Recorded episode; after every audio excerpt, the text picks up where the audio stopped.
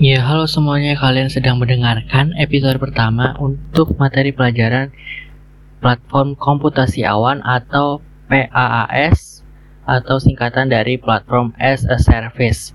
Nah, materi kali ini sebenarnya ada di seharusnya gitu ya kalau dilihat dari kurikulum ini ada di kelas 11 materi paling akhir atau materi kelima dari keseluruhan rangkaian mata pelajaran ini tapi kita uh, mundur jadi ke anak kelas 12 nggak apa-apa karena memang ini ada sah, salah satu komponen yang paling penting pada saat kita uh, mempublish atau mengonlinekan um, sebuah informasi ke halayak umum gitu melalui sebuah web website gitu ya.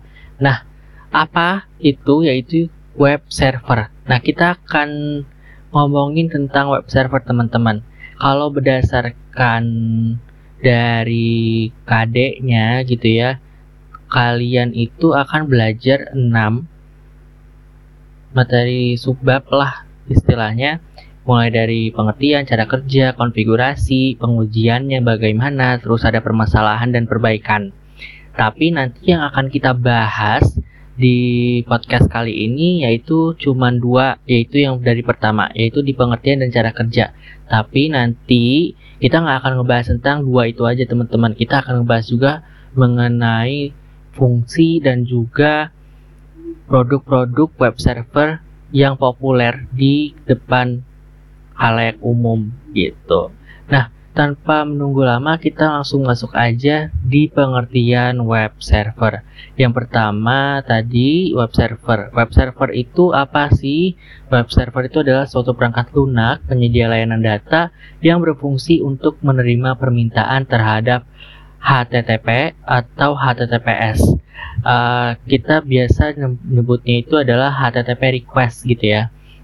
Nah, ini HTTP request ini dikirimkan oleh klien melalui web browser.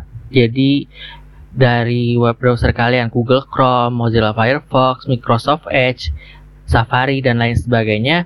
Nah, nanti habis itu dikirim gitu ya, dikirim dan nanti akan dikembalikan dalam bentuk halaman web. Bisa berupa yang paling umum ya HTML gitu ya. Nah, mungkin tadi ada beberapa istilah gitu ya HTTP terus HTTPS. Nah apa sih dua ini?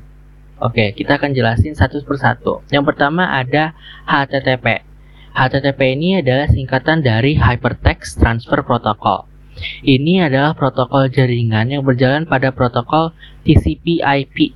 Udah tahu dong pasti. Nah, protokol ini berfungsi untuk mengatur transfer file, baik berupa gambar, suara, teks, video maupun yang lainnya. Nah, ini bekerjanya di triple W yang merupakan singkatan dari World Wide Web atau kita kenalnya dengan sebutan www gitu ya. Nah, ini tadi udah bahas tentang HTTP, kita bahas tentang HTTPS. Nah, ada S sama teman-teman singkatannya dari Hyper Text Transfer Protocol S-nya ini adalah secure. Jadi kalau berdasarkan judulnya aja kita udah tahu berarti ini lebih ter secure gitu atau ini tuh lebih aman daripada HTTP. Karena ini dilabeli oleh atau dilabeli lagi, dilapisi, dilapisi oleh SSL dan TLS yang berfungsi sebagai protokol komunikasi data. Nah, port dari kedua uh, protokol ini HTTP dan HTTPS, kalau untuk kalau untuk HTTP dia berjalan di port 80.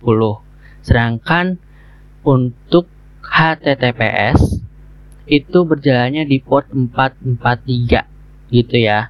Nah, uh, dan juga for your information, kalau misalnya port 8 untuk di HTTP, kalau port 8 port 80-nya ini kepake, bisa diganti gitu ya. Bisa ada alternatifnya yaitu pakai port 81 gitu. Nah, kita bahas tadi pengertian, sekarang ke cara kerjanya. Cara kerjanya gimana sih? Nah, cara kerjanya tuh ya tadi udah dijelasin dari HTTP request gitu ya, tapi kita akan rinciin. Nah, ini klien, yang pertama adalah klien melakukan HTTP request ke web server, kemudian web server akan merespon dengan mengembalikan request berupa halaman website meliputi HTML, image, CSS, dan JavaScript. Server juga dapat melakukan query atau request data ke database apabila klien ingin mengelola data. Misal kayak pada saat uh, sign up atau registrasi gitu ya ke suatu sosial media, maka uh, hal ini yang dilakukan yaitu melakukan query atau request data ke database. Nah, nanti database akan mengembalikan request dari server berupa data yang kemudian server menampilkan berupa halaman web ke klien. Sama kayak tadi gitu ya. Nah, contohnya kayak gimana sih? Contohnya gini, misal kalian lagi buka Facebook gitu ya melalui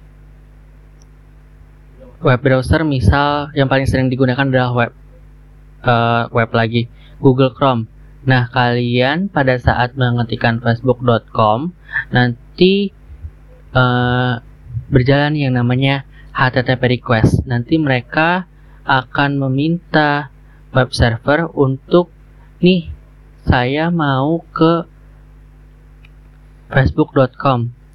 Uh, eh, ini tolong dong ditampilin. Nah, nanti sama web server akan diperiksa tuh gitu ya mulai dari image, dokumen, bla dan sebagainya nanti baru dikirimkan dengan adanya HTTP respon. Kayak gitu dah. Baru deh adanya HTTP respon.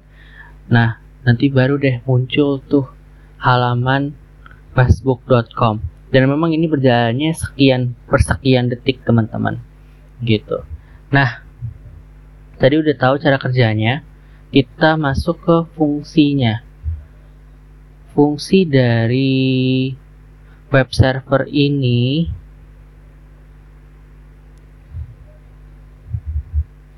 ada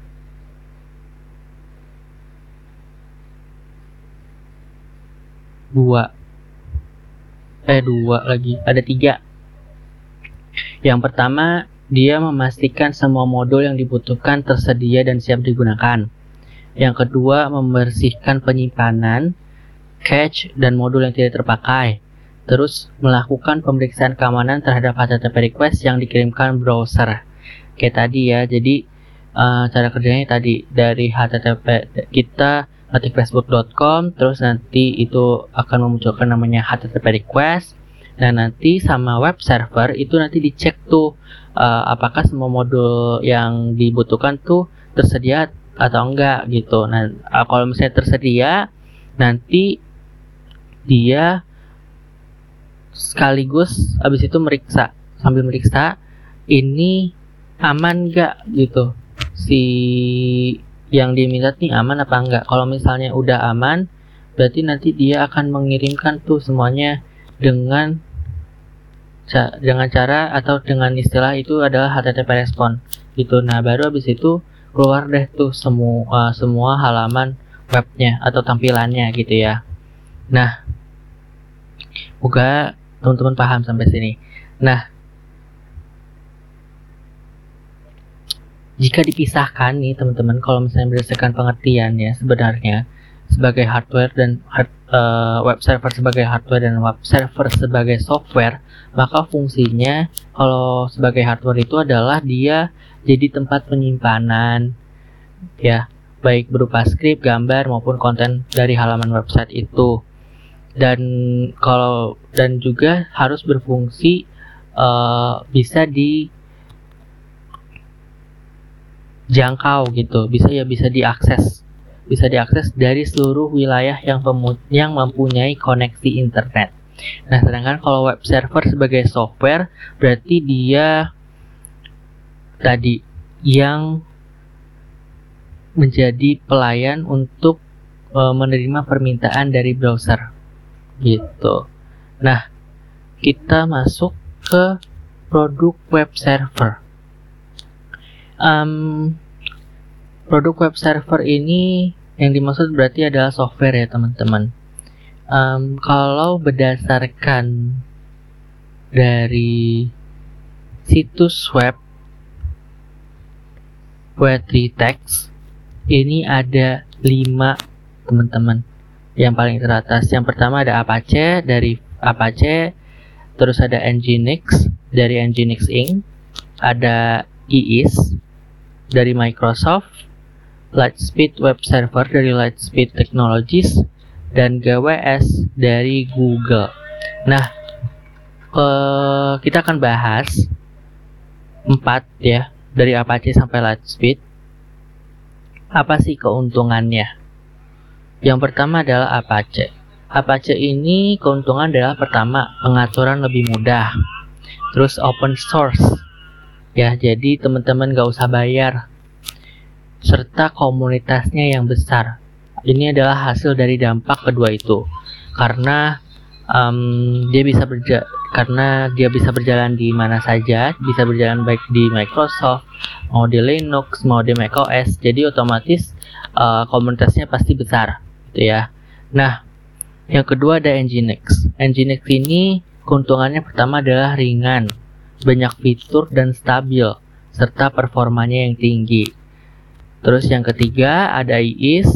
Nah, IIS ini apa sih teman-teman? IIS ini dari Microsoft, tadi udah dibilangin singkatan IIS itu adalah Internet Information Service. Oke. Okay. IIS ini singkatan dari Internet Information Service. Ini itu si IIS ini keuntungannya adalah dia ini karena dari Microsoft otomatis mendukung penuh untuk uh, operating system Windows. Bisa berjalan lancar lah intinya. Terus adanya kemampuan pengecekan kesalahan serta kalau misalnya teman-teman uh, web servernya ini menggunakan bahasa PHP maka fiturnya eh maka uh, lebih stabil. Kalau misalnya teman-teman menggunakan PHP gitu ya terus yang keempat dan yang terakhir ini keuntungannya adalah memiliki pencegahan DDoS, terus recover kesalahan secara langsung serta kompatibel dengan .ht access. Oke. Nah, sekian dari penjelasan kali ini. Nah, kesimpulannya apa sih kesimpulannya dari pembahasan tadi? Yang pertama adalah web server ini adalah sesuatu yang penting dalam website. Yang seperti yang udah disebutin sebelumnya gitu ya uh, fungsi web server ini adalah sebagai kontrol untuk memproses permintaan dari browser. Karena tanpa web server, suatu website tidak dapat berjalan dengan baik. Web server ini punya tugas karena web server ini punya tugas utama yaitu menanggapi permintaan yang dilakukan oleh pengguna melalui browser dan memberikan hasilnya kembali ke browser. Sedangkan hingga saat ini um, Apache adalah menjadi web server yang paling populer digunakan karena tadi penggunaannya mudah terus juga tersedia uh, di berbagai sistem operasi sehingga punya komunitas juga yang lebih besar gitu dan itu adalah akhir dari episode podcast kali ini teman-teman kalau udah udah mendengarkan ini silahkan teman-teman jawab pertanyaan dari Google Classroom yang udah di, tersedia di sana. Oke, kita akan dulu. kembali ke pertemuan berikutnya dengan materi baru atau kita akan ngebahas dengan materi ini tapi dengan uh, cakupan yang berbeda gitu ya. Oke, dan itu saja yang bisa saya sampaikan. Kurang lebihnya mohon maaf. Wassalamualaikum warahmatullahi wabarakatuh.